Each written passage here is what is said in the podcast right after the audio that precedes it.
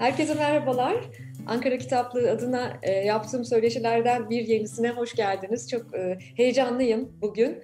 E, bugün benim kuşağım için ve pek çok kuşak için çok önemli bir yazarı. 40 yılı aşkın süredir e, Türk Edebiyatı'na çok önemli eserler vermiş. Benim bildiğim 30'a yakın eser ama bunları konuşacağız. E, bir e, yazar konuğum, çok sevgili İpek Ongun. Hoş geldiniz yayına. Hoş bulduk, hoş bulduk. Çok teşekkür ederim davet ettiğiniz için.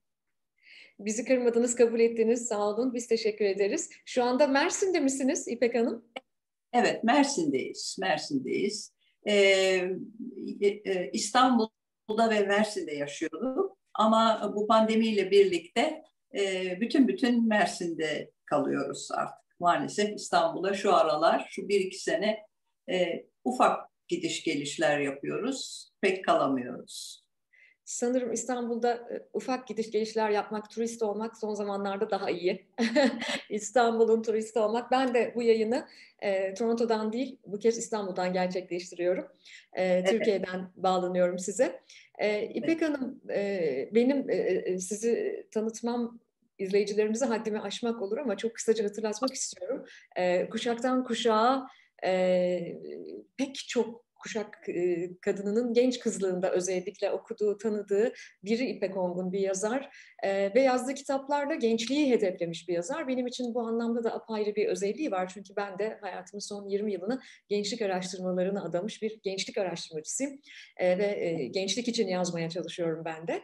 E, İpek Hanım e, ilk e, çocuk romanını 1980 yılında yayınladı Mektup Arkadaşları e, ve sonra Yaş 17 diye gençlik için yazdığı ilk romanı geldi. E, 1991'de Bir Pırıltıdır Yaşamak isimli kitabıyla TÜYAP'ta Altın Kitap Ödülünü aldı. E, o eski TÜYAP'lar ne güzeldi. Bu arada bir de onları da bir hatırlayalım. 90'ların TÜYAP'ları e, ne harikaydı. İpek Hanım ilk sorum size elbette ilham kaynağınızdan, gençlerden geliyor. E, neden gençler üzerine bu kadar yazdınız? Özellikle e, genç kızlara neden adres ettiniz? Neden bu kadar gençlik kitapları için çalıştınız? Onu çok merak ediyorum. Şimdi şöyle düşünüyorum. Yani bir hayata başlanıyor. Bu hayata başlanırken pek çok şey deneme yanılmayla öğreniliyor. Hani e, bu bir yandan güzel bir şey ama bir yandan da bazen e, bazı şeyleri kaçırmış oluyoruz. E, o nedenle olabildiğince daha başından bizlerin yaşamış, üstünde düşünmüş, hazmetmiş olduğumuz ve keşke şöyle şöyle düşünseydim dediğimiz şeyler var ya onları şimdiden koysak gençlerin önüne. Ve onlara yani illa böyle yapın değil bunlar da oluyor hayatta. Siz de bunları düşünün. Bir kere daha düşünün böyle e, yol ağızlarına geldiğinizde veya ne bileyim bir kararlar vermeniz gerektiğinde şeklinde onlara bir yerde bir destek olmak açısından. Hani çünkü birçok şeyleri öğreniyoruz ama bunu hatalar yaparak öğreniyoruz. Halbuki daha önceden bir bilgimiz olsa o zaman daha başka türlü düşüneceğiz, daha başka türlü yaklaşacağız. O nedenle hani gençlere bu konuda olabildiğince e, destek olmak için. Sadece kendi tecrübem meselesi değil. Çünkü ben e, ne bir psikolog, ne pedagog, ne de eğitimciyim. Ama her kitabımdan önce bu konuyla hangi konuyu işleyeceksem o konunun uzmanlarının kitaplarını diyebilirim bazen 3 ay, bazen 6 ay sürüyordu. Ders çalışır gibi. Mesela ne bileyim ben ailede boşanma yaşanıyor. Peki o zaman o gence nasıl yaklaşacağız? Ona nasıl bir yol göstereceğiz? O bilim insanlarımızın kitaplarını okuyup oralardan notlar çıkarıp ondan sonra romanda onu e, böyle e, hani drajelerin üstünü şeker kaplarlar ya yutturmak için çocuklara işte o şekilde e, biraz eğlenceyle biraz şeyle karışık olarak e, yollar göstermeye çalıştım. Hani bu şekilde bizlerin yaşadığından gençlerimiz onları olabildiğince daha az yaşasınlar. Daha az hasarla atlatsınlar, daha az üzülsünler şekliyle. Yani çıkış fikri oydu ve dediğim gibi sırtımı bizim bilim insanlarımızın kitaplarına dayayarak e, çeşitli konularda yaza geldim. Bu söylediğiniz e, o kadar kıymetli ki bir yandan da şöyle düşünüyorum. İyi bir okur ve e, bir bir e, yeni nesil yazar olarak diyeyim, dilimin ucunu ısırırım sizinle konuşurken kendime yazar demekten e, imtina ederim ama e, e, ama e, sanki geçen yüzyıl yani 20. yüzyıl e, baktığımda kitap yazmak bu kadar kolay değildi. Yani söylediğiniz gibi iğne oyası dokur gibi insanlar, edebiyatçılar uzmanlık alanları olmayan konularda çalışarak, uzmanlığın, bilimin sesine kulak vererek iğne oyası dokur gibi kitap yazarlardı. Şimdi bugün baktığımda özellikle ne zaman bir kitapçıya gitsem çok satanlar rafına baktığımda biraz kalbim sızlıyor. Ne kadar tüketim toplumunda ne kadar kitaplarda kolay yazılır ve hızlı tüketilir oldu bir yandan da. Ne düşünüyorsunuz? 20. yüzyıldan 21. yüzyıla geldik. kitap okunmuyor diye şikayet de ediyoruz. Ama aslında çok da kitap yazılıyor yani. Evet. Onu da çok hızlı tüketiyoruz ama sanki çok kolay yazılıyor. Size nasıl geliyor İpek Hanım son dönemde? Evet, da öyle geliyor. Yani e, hakikaten öyle. Çok kolay yazılıyor. Dolayısıyla çok fazla kitap oluyor. E, ne kadar okunuyor, ne kadar okunmuyor onu da bilemiyoruz. E, sanırım bir geçiş dönemindeyiz. Yani bambaşka bir kültürden sanki bambaşka bir kültüre geçiş gibi. Yani bunu sizler de yaşıyorsunuzdur. Hani şimdi ne bileyim torunlarıma baktığım zaman hani onların okuduklarına, e, hayatlarındaki kitabın yerine falan baktığım zaman çok farklıyız. E, çok çok farklıyız. Ama işte bir yerde de değişim, bunun önüne de geçemiyorsunuz. E, herhalde bir müddet sonra bir sentez kurulacak diye düşünüyorum. Yani e, neyi okuyorlar, neden, neyi elde ediyorlar, zaman kaybı mı oluyor, yoksa bir şeyler kazanıyorlar mı, bunun farkındalar mı? Bir de bu çok önemli. İşte onun için ben mesela birçok kitabımda, pek çok kitabımda hep sorgulayarak düşünmeyi vurguladım. Yani her yaptığınızı sorgulayın, sorgulayarak düşünün. Yani e, işte mesela Atatürk'ün bir lafı vardır. Düşünmesini bilmeyen toplumlar her yöne çekilebilirler. O kadar doğru bir söz ki. Yani bunu yaşayarak görüyoruz. Hakikaten e, toplumlar düşünmesini bilmezse e, her bir yöne çekilebiliyor. E, onun için onların öyle olmaması için gençlerimizin e, hep düşünmelerini ve sorgulamalarını satır aralarına yerleştiriyorum. Onun için öyle olunca da sanıyorum bir müddet sonra bu böylesine e, biraz özensiz diyeyim, biraz kolay e, yazılmış şeyler herhalde e, elenecektir. Ve içinde bir şey olan, bir şey veren kalacaktır diye düşünüyorum. Yani bir geçiş dönemindeyiz hakikaten. Bir adeta bir başka kültürden bir başka kültüre geçiş gibi bir şey. Ben de katılıyorum bu söylediklerinize. Eleneceğine de inanıyorum. Çünkü hunharca e, hızlı tüketim malzemesi gibi üretilen kitap ya. diyelim ismine kitaplar görüyoruz. Hatta kitap okumadan kitap yazanların da sayısının çok arttığını görüyorum. Çünkü bu bir disiplin ve bu bir bu bir terbiye değil mi? Sözcükleri özenli seçmek o kadar kolay bir şey değil. Sadece evet. ilham gelmesi yetmiyor. Bir terbiye evet. ve bir sorumluluk da çünkü kuşaktan kuşağa aktarılıyor yazdıklarınızı. Hele ki gençler okuyorsa, hele ki böyle de bir hedef kitlemiz varsa. Buradan yola çıkarak e, bir serinizi hatırlatmak istiyorum. Birçok insan sizi bir genç kızın gizli defteri serinizle de biliyor. E, çok uzun soluklu bir seriydi bu ve ee, şöyle biraz geçmişe gitmek istiyorum ve bugünle bağlamak istiyorum. Bu çok uzun soluklu seriyi yazmaya başladığınız o ilk günlerin, o zamanların Türkiye'siyle bugünün Türkiye'sinde genç kız olmak, ergenlikte bir kız çocuğu olmak kimliği değişti mi sizce? Nasıl görüyorsunuz? O değişimi nasıl değerlendiriyorsunuz? Şimdi ben e, bugünün anne babalarının işinin çok daha zor olduğunu düşünüyorum. Çok daha zor. Çünkü o kadar çok etken var ki hani o dönemlerde Yoktu bu kadar. Yani televizyon bile yeni yeniydi. Ama şimdi bambaşka bir dünya var, sanal dünya var. Onun için e, anne babaların e, bence gençlerle çok iyi bir diyalog kurmaları lazım. Yani hem fazla karışıyor gibi olmamak lazım ondan sonra ama öte yandan da öbür alemde o kadar çok e, olumsuzluklarla dolu ki hani e, doğru dürüst düşünmeyi öğretmek lazım. Türkçeyi kullanmak bile e, yani internet e, yazışmalarından dolayı mesela noktalamalar kalktı. E şimdi o noktalamalar kalkınca birçok şeyin anlamı değişiyor. Yani onlar oraya süs diye konmamış. Bir şey ifade ederek konmuş. Sonra çeşitli kelimeler var. Bir durumu anlatacak değişik değişik kelimeler. Onlar olmuyor. Bir tanesi kullanılıyor her duruma. E, o da olmuyor. Yani e, işte diyorum zor bir dönem. Şu geçiş dönemi bayağı zor bir dönem. E, anne babaların da hem kendilerini yetiştir yani anlı, kendi çocuğunu anlayabilmek için bugünü öğrenmesi gerek. E, gençlerimizin de dediğim gibi sorgulayarak düşünmeleri gerek. Yani ben bunu yapıyorum ama neden yapıyorum? Bu bana ne kazan?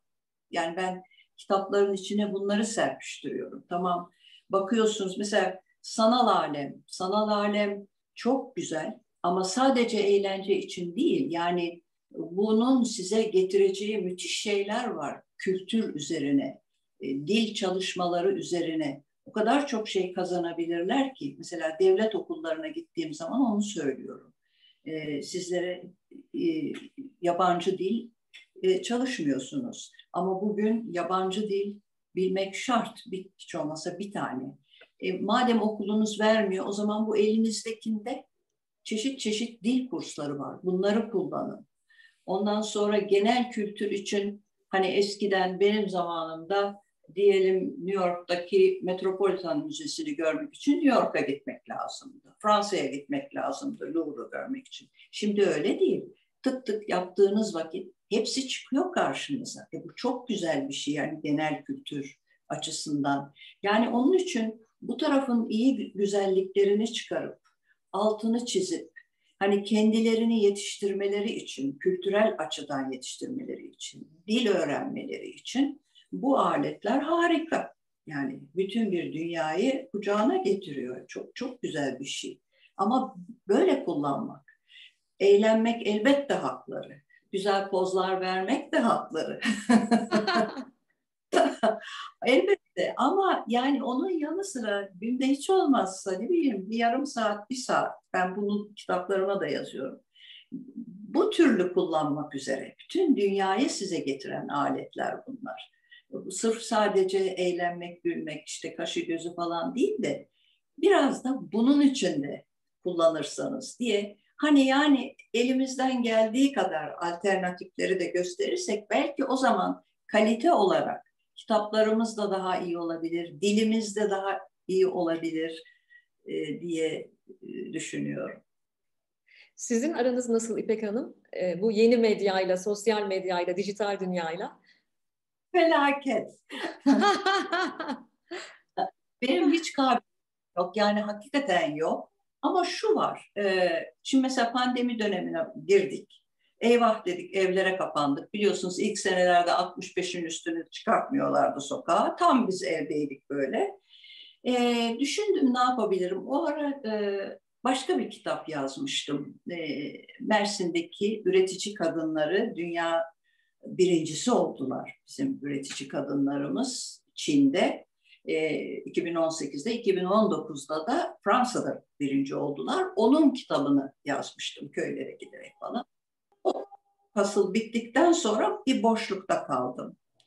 E, ne yapayım diye düşünürken e, her zaman İtalyancayı çok sevdiğim bir dil, müzik gibi dinlemeye bayıldığım bir dil. E, ama hiç vaktim olmadı yani çalışmaya falan. Onun üzerine dedim ki ben İtalyanca çalışayım. Çok güzel internette Duolingo diye bir dil kursu var. Harika bir kurs. Çok da eğlenceli, resimli, konuşmalı, sesli filan. İnanır mısınız iki senedir ben İtalyanca çalışıyorum. Harikasınız. Ondan sonra da bir olsun diye de İtalya akşamları İtalyan televizyonunu seyrediyorum. Haberlerini yarı anlıyorum, yarı anlamıyorum. O bir yana ama oyu kelime oyunları var. Onları takip ediyorum.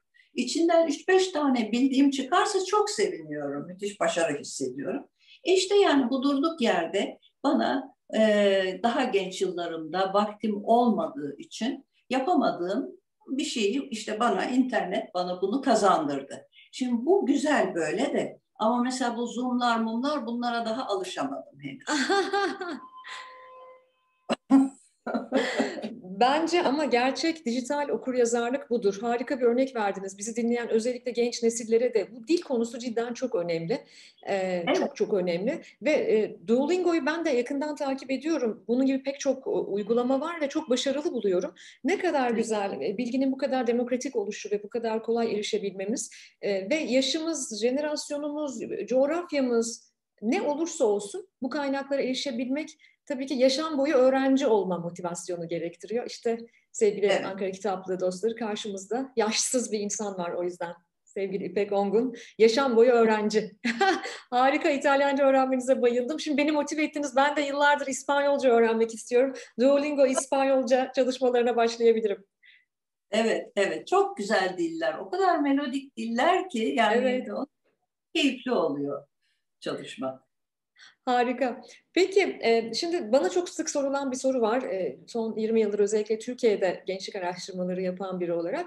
E, gençler çok az kitap okuyor, işte okumuyorlar, geçmişe göre daha az kitap okuyorlar falan diyorlar. Ama tabii bunu bağlamın içerisinde değerlendirmek de önemli. Mesela pazarlama dünyası son yıllarda dikkat ekonomisi diye bir kavramı konuşur oldu. Dikkatimiz kısaldı çünkü. Yani hı hı. neredeyse 9 saniyelerden 3 saniyelere indi. Çünkü sürekli bir e, bombardıman altındayız. Acaba çok fazla uyaranla boğuştuğumuz için mi bu oluyor? Acaba edebiyat dünyası dikkatimizin bu kadar e, kısıtlı e, oluşundan mı olumsuz etkileniyor? Niye daha az okur olduk sizce? Çünkü evet bütün istatistikler daha az okuduğumuzu, özellikle genç kuşağın daha az okuduğunu ortaya koyuyor. Niye daha az okuyorlar acaba sizce? Şimdi e, bizim dönemimize bakınca bizim genç kızlığımıza. E, kitaplardan başka yapacağımız, e, bizi oyalayacak bir şey yoktu.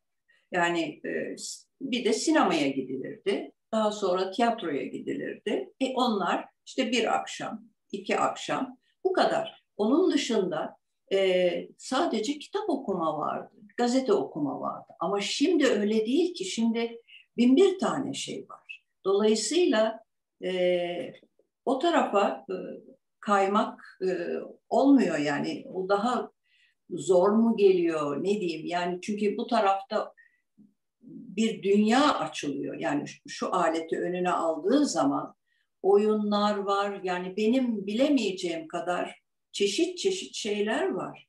Şimdi işte bu gözlükleri takıyorlar metaverse dedikleri gezmeler, şu bu. E hepimiz yapmaya yapmaya mesela ben telefon numaralarını ezbere bilirdim. Kızımın, diğer ailenin falan. Şimdi hiçbiri yok. Çünkü tuşlayarak yani basaraktan işte konuşuyoruz, ediyoruz. E bunu yapmaya yapmaya e, unutuyorsunuz birçok şeyi. E, onun için yeni kuşak da e, bu bilgisayarlarla, bu aletlerle e, olduğu için e, kitaba pek vakit ayıramıyor. Yani çok fazla oyalanacak şey var. Biz daha bizim zamanımızda bir tek kitap vardı. Başka da bir şey yoktu yani. gibi bir de sinemaya gidersiniz, tiyatroya gidersiniz. Bu kadar. Boş öğleden sonraları, yaz tatilleri, bütün boş günler denize gidersiniz, kitap okursunuz. Başka bir şey yok. Ama şimdi dediğim gibi şu küçük aletle bütün bir dünya önünüzde. E öyle olunca tabii o daha cazip geliyor. Ama yani bir yerde de kayıplar oluyor. Yani hakikaten kayıplar oluyor. Onu konuşuyorduk arkadaşlarla. Ee, telefon numaralarını bir ezbere bilirdik, bilmiyoruz artık. Adresleri bilirdik, bilmiyoruz artık. Her şey tuşlarla o küçük alete esir oluyorsunuz bir yerde. Ama gidişte bu. Yani bunu da e, sırtınızı dönemezsiniz. Çünkü hayat böyle gidiyor şimdi. Onun için diyorum ileride herhalde bir sentez olacak. Olması lazım bir sentez olacak herhalde. Ümit ediyorum. Ama bir yandan da şöyle düşünüyorum. E, e, benim de bir oğlum var 15 yaşında. E, ebeveynlik deneyimime bakarak da gözlemleyerek de şunu düşünüyorum. Acaba e, gençlerin bu alışkanlığı kazanması için çünkü kitap okumak çok kolay kazanılacak bir alışkanlık da değil. Çok ciddi bir emek istiyor, zihinsel bir performans ve bir emek istiyor. Acaba ebeveynlerin büyük bir sorumluluğu yok mu bu işte? Bir örnek vermek istiyorum. Oğlum doğduğunda hani genelde Türkiye'de şey olur ya böyle çocuklar yavaş yavaş yürümeye başladıklarında aman ortalıkta kırılacak şeyleri kaldıralım. Ben çok eşya seven bir insan değilim. Benim yaşadığım evlerde daha ziyade kitaplar vardı hep yani boydan boya. E, ve genellikle arkadaşlarım falan şey yapıyorlardı. Yürümeye, emeklemeye başladığında çocuklar aman işte alt raflardaki kitapları kaldıralım falan. Ben mesela bunların hiçbirini kaldırmadım. Ve oğlum Ali e, evet o kitapları böyle indiriyordu e, alt raflardan. Onlarla biraz oynuyordu. Dokunmasını çok istiyordum çünkü. E sonra ben de toplayıp yerine koyuyordum. Öyle yırtma, parçalama falan gibi şeyler olmuyordu. Sonra bu kadar dijital bir çağın çocuğu olarak e, Ali tabii ki evde kitap okuyan bir insan. Hediye olarak en çok kitap ona hediye edilmesini seven bir e, anne. E, yazan, çizen, okuyan birini gördükçe elbette e, o da okuma alışkanlığını kazan. Dolayısıyla ebeveynler neler yapabilir? Ben bunu söylediğimde İpek Hanım bu arada bazen eleştiriliyorum da. Çünkü bazı dostlarım da şey diyorlar ya ben de çok okuyorum. E, hatta yazar arkadaşlarım var bak ben yazıyorum da ama işte bizim çocuklar okumuyor. Ben yine de o konuda biraz muhafazakarım. Galiba ebeveynlerin hala yapabileceği pek çok şey var okuma alışkanlığını tetiklemek ve sürdürmek için. Ne dersiniz? Bence de öyle. Şimdi mesela bana da soruyorlar, işte imza günlerinde geliyorlar. Ee, bizim çocuk kitap okumuyor, nasıl yapsak da okutsak?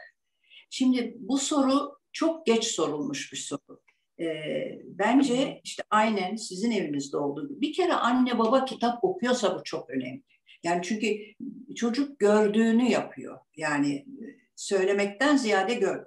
Annenin elinde kitap, babanın elinde kitap veya gazete. Bunu gördüğü zaman bu hayat hayatın doğal bir parçası olarak.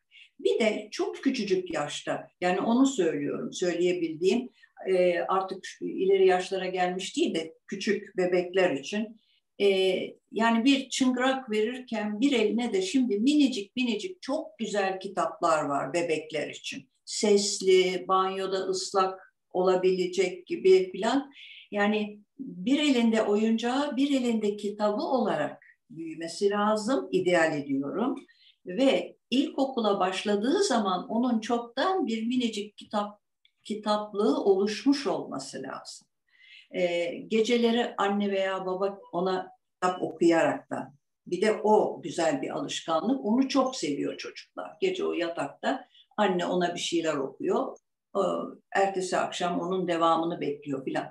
Yani bunlar o ilk beş yıllarda evde anne babayı görürse, ona eline kitaplar verilirse yaşına uygun ve de ona okunursa bir yandan da okunursa işte o zaman hakikaten kitap okuyaraktan hayatına devam ediyor. Yani bence şu ortamda e, ilkokula geldiğinde, ilkokul 3-5'te okurken bizim çocuk okumuyor ne yapsak sorusu çok geç kalmış bir soru. Artık hı hı. treni kaçırmış oluyorsunuz. Ama en başından başlayıp da hani çocuk okula başladığında onun minicik de olsa bir kendi kitaplığı oluşmuşsa işte o zaman orada e, güzel bir rahatlık var. Yani o okuyarak devam edecektir. İşte siz de yaşamışsınız bunu kendiniz.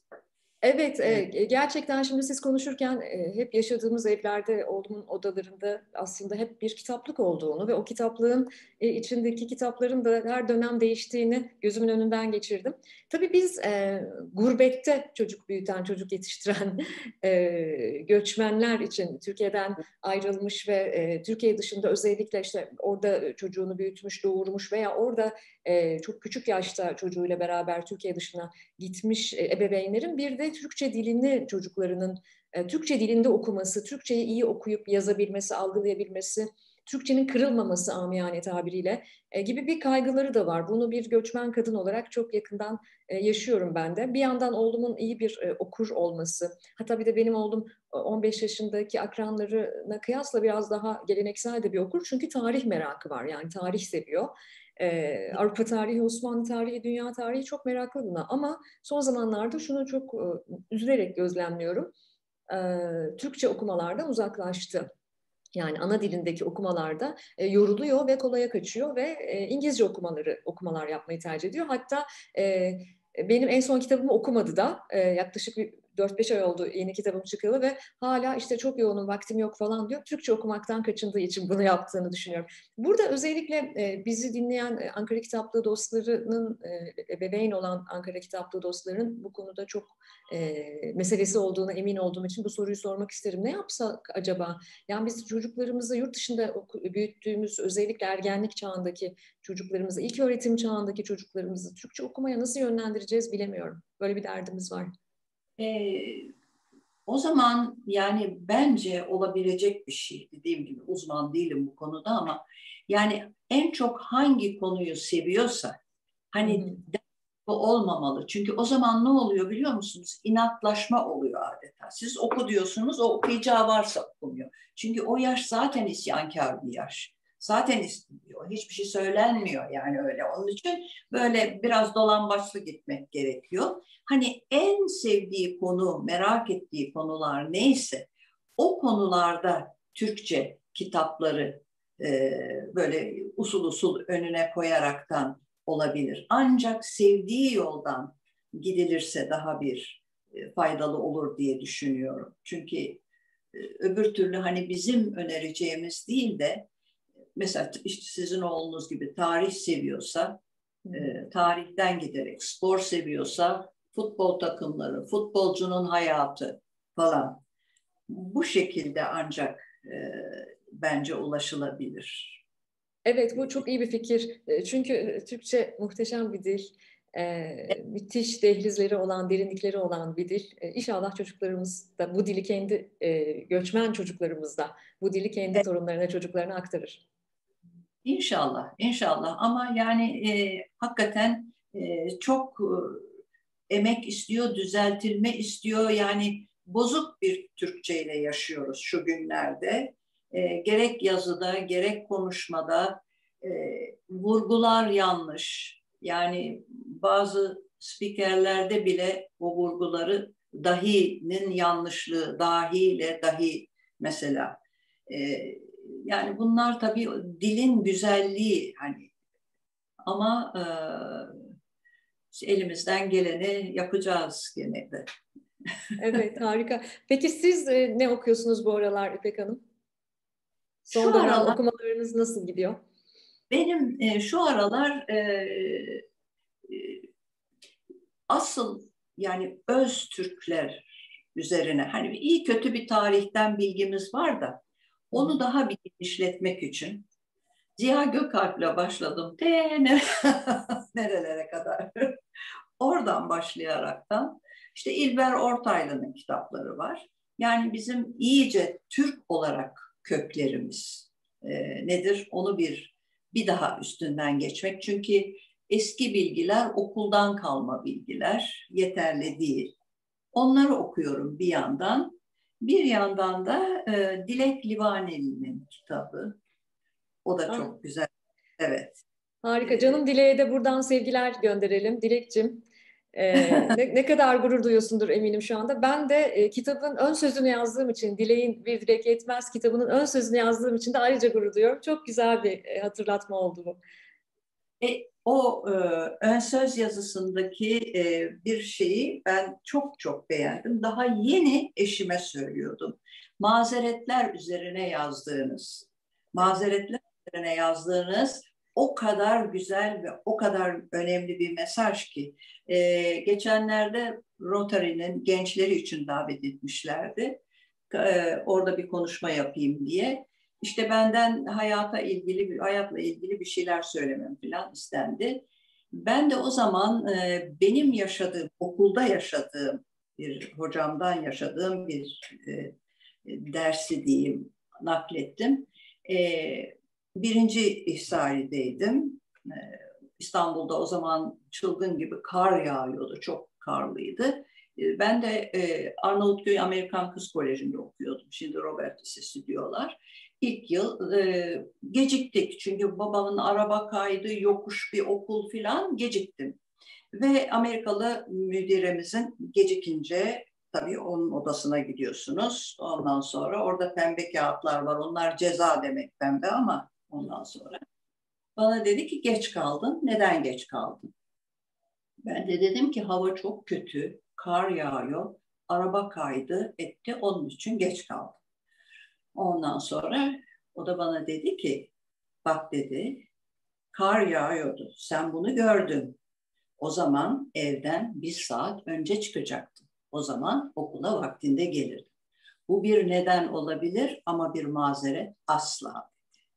Ben bunu ömür boyu unutmadım. Bu bana söylendiğinde ben 12 yaşındayım. Yani hem kendimi kontrol için hem durumları için mazeretler ve nedenler.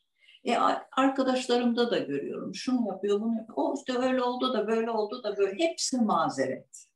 Neden değil. İnsanın hem kendini kontrol etmesinden. Onun için ön sözü okuduğumda inanın dedim ki bravo çok güzel. Çok güzel. Yani.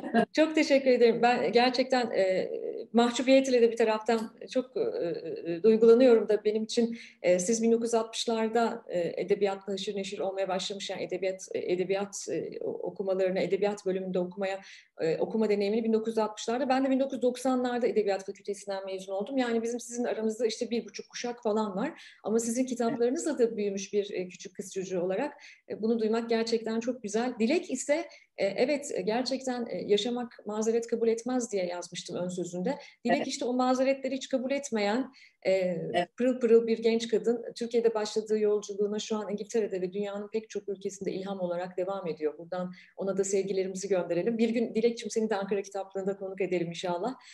çağdaşları da okuyor olmanız bu anlamda çok hoşuma gitti. Peki janrlar arasında, tarzlar arasında ne bileyim mesela aynı anda bir de gideyim biraz şiir okuyayım diyor musunuz? Veya şimdi biraz da araştırma, biraz da roman okuyayım. Yoksa böyle belli bir dönem, belli bir janrı mı takip ediyorsunuz? Ee, zaman zaman e, oluyor. Yani e, işte mesela dediğim gibi hani şu aralar e, şu kökümüzü bir doğru dürüst bir daha okuyayım. Yani bir fikrim var tamam ama bugünkü aklımla bir daha okuyayım. Bir de e, pandeminin başında e, klasikleri okudum peş peşe. Neden? Çünkü onları okumuş okuduğum zaman yaşım 18'di, 19'du. Yani böyle siyah kazak giyip bugünkü gibi elinde Dostoyevski taşımak müthiş bir şeydi o zamanlar. Ondan sonra şimdi o günkü aklımda o bana ne verdi? Bugünkü yaşımda 80 yaşında bana ne veriyor? Onu onu anlayabilmek için bir takım e, şeyleri okudum, e, klasikleri işte tekrar geçerekten falan. E, bir süre öyle gitti. İşte şimdi dediğim gibi şu e, iyice kökümüzü bir anlayayım bakayım e, dedim. O, onun için şimdi o tarih okumaları sizin oğlunuz gibi tarih evet. almış vaziyetteyim. Ondan sonra bu arada da e, işte en son onun yanında da e, Dilek Hanım'ın kitabı. E, onu da bana kızım gönderdi. E, çünkü kızımla arkadaşı, e, kızım da yazar. Def evet, Def, e, Defne'yi de burada bir analım ve selam gönderelim mi? O da sizin e, köklerinizi takip ediyor, yolunuzdan gidiyor ve o da çocuk vergen kitapları yazıyor diye biliyorum, doğru mu? Doğru biliyorsunuz. Bu arada e, bir arkadaşıyla birlikte çeşitli daha yeni Mardin'deydiler. E, köy e, okullarına gidiyorlar. İşte orada o çocuklarla konuşuyor. Arkadaşı kadınlarla konuşuyor. E, işte önce bize Mersin'in köylerine geldiler. İşte sonra Mardin'e gittiler. Birazcık karda mahsur kaldılar ama döndüler. Yani e, e, Dilek Hanım'ın kitabı da bana o kanalla geldi. Evet, Öyle. sosyal medyanın da böyle bir güzelliği var. Buradan e, Defne'ye de Banu'ya da e, e, Mardin seyahatlerinde karda mahsur kaldıklarını gördüm. Sosyal medyada gördüm çünkü. Ama hala gençlere, kadınlara dokunmak için mücadele ediyorlardı. Ne güzel. Mardin'e, Defne'ye birlikte o seyahati gerçekleştirdiği sevgili Banu'ya, Dile'ye hepsine bu vesileyle sevgiler gönderelim. Ne güzel. peki bir şey yani yeni bir bir şey mi yazıyorsunuz yoksa o yüzden mi tarih okumaları yapıyorsunuz? E, e, yok şu anda bir şey yazmıyorum. Şimdi 13 kitap oldu. E, tamam diyorum. E, iki defa e, veda ettim. Bol bol veda ettim ama türlü tam yani liseyi bitirdiği zaman veda ettim. Tamam dedim. Ondan sonra ama işte üniversitede ne oluyor? Üniversitede ne oluyor? Onu merak ediyorlar. Sonra bu merak benim hoşuma gitti. Aferin dedim. Yani ileriye dönük bir fikir edinmek istiyorlar. Oturduk. Üniversite hayatı yazıldı filan. Ondan sonra üniversite bitti. Mezun ettik kızımızı. Bu sefer yani gene veda yazdım. Bu sefer evlenince ne oluyor? Evlenince Onun üzerine fakat öte yandan da dediğim gibi hoşuma gitti. Aferin dedim. Yani bilinçli o önlerindeki bir durum var. Yani yarın öbür gün onlar da evlenecek. Ne oluyor, ne bitiyor bir, bir fikri olmak. Bu çok hakikaten gerekli bir şey, önemli bir şey. Ondan sonra hani her şey böyle fırfırlar ve gelinliklerle bitmiyor yani. Ondan sonra bambaşka bir hayat başlıyor. Onun için hadi bakalım ondan sonrasını da yazdık. E ondan sonra artık 10. kitapta tamam veda dedim. Fakat yine o kadar ısrarla geldi ki bu sefer de kızıyla Serra'nın ikisinin e, anı defterleri. Yani kızı yazıyor yazıyor, arada bir anne de yazıyor. Onu da niye yaptım? Çünkü şimdiki durumda yani şimdiki bugünün anne babalarının işinin çok zor olduğunu düşünüyorum. Yani hakikaten çok zor. Allah sizlere kolaylık versin cidden. Çünkü o kadar çok şey var ki yani etkisi altına alabilecek falan. Onun için e, orada mesela izin meseleleri. Yani bunu bana yazdıkları için mektuplarda oradan biliyorum. İşte ben derslerime çalışıyorum, notlarım da iyi her ama ona izin yok, buna izin yok. İşte arkadaşlar gidiyordu, bana izin vermiyorlar filan. İşte orada bir annenin bakış açısını koydum. Bir genç kızın şikayeti, onun karşılığında annesi. İşte annesi de diyor ki elbette eğlenmesini istiyorum, elbette gezmesini istiyorum ama tanımadığım, bilmediğim bir yere ben kızımı gece nasıl yollarım? Şimdi ben onu doğru dürüst korumazsam görevimi yapmamış olmuyor mu? Yani bu kuru kuru bir izin vermeme değil. Tanısam, bilsem hani şu şu şu arkadaşı tamam. Onları da tanıyorum tamam ama bilmediğim yani orada bazı izin vermemelerin neden böyle olduğunu anlayabilsinler gençler diye onu yazdım. Sonra derken bir mail geldi. Ee, böyle de çok da rahat yazarlar bana. Annemle yine atışıyorduk böyle. Fakat ona dedim ki diyor biliyor musun anne sanırım ben de anne olunca aynen senin gibi yapacağım demiş. Annesi de aman ne oldu demiş sana ne oldu da böyle söylüyorsun. Onun üzerine o da işte demiş İpek Hanım'ın kitabında böyle yazıyordu, o da böyle yazıyordu. Yani senin bakış açını da aman demiş annesi çabuk ver o kitabı bir de ben okuyayım diye bunu bana yazmış güzelce göndermiş. İşte onun için son şeylerde onlar oldu. 2, 3, e, ondan 13. kitaba kadar bir annenin bakış açısı hani daha ziyade genç kızımız ama arada bir de hani anne babaların da düşüncelerini koyarak yani onların arasında bir köprü olabilsin diye o amaçla yazıldı o son üç kitapta. Ama ondan sonra da artık tamam dedik. yani artık yazmam diyor musunuz İpek Hanım? Valla şu an tamam diyorum. İpek Hanımcığım, evet. evet. Allah Allah başımızdan eksik etmesin, kaleminize kuvvet versin. Çünkü e, biraz bencilce olacak ama bizim yeni nesil ebeveynlerin, yeni neslin ve gelmekte e, olan nesillerin de sizin gibilerin hala yazmasına ihtiyacımız var. İnşallah yazarsınız, yazmaya devam edersiniz. E, çok teşekkür ediyorum. Bizi kırmayıp katıldığınız için, zaman ayırdığınız için. Sizinle konuşmak çok büyük bir zevkti. Gerçekten öyle. Yani gurur duydum. Çok çok güzelsiniz, kültürlüsünüz. Çok hakikaten ne mutlu bizlere gerçekten. Çok Sizin teşekkür gibi... ediyorum. Sağ olun. Sizlerin Türkiye'de, sizlerin e, genç kadınlara açtığınız yollarda e, verdiğiniz e, emeklerde, e, örnek işlerde oraları takip ederek geliyoruz. Nesiller böyle geliyor aslında. O yüzden e, erkek dostlar kusurumuza bakmayın ama bizim işte böyle kadınlara çok ihtiyacımız var Türkiye'de de. Çok teşekkür ediyorum. İyi ki geldiniz. İyi ki kuşaktan kuşağa ilham verdiniz, vermeye devam ediyorsunuz. İnşallah her şey daha da güzelleşir, sağlıklı bir yıla devam ederiz de bir gün sizi Toronto'da fiziksel olarak da ağırlarız. Yüz yüze de sohbet ederiz inşallah oradaki ebeveynlerle de. Çok çok teşekkür ediyorum. Şeref verdiniz. Evrin Hanım. Çok teşekkürler. Çok mutlu oldum. Sağ olun. Çok mutlu oldum.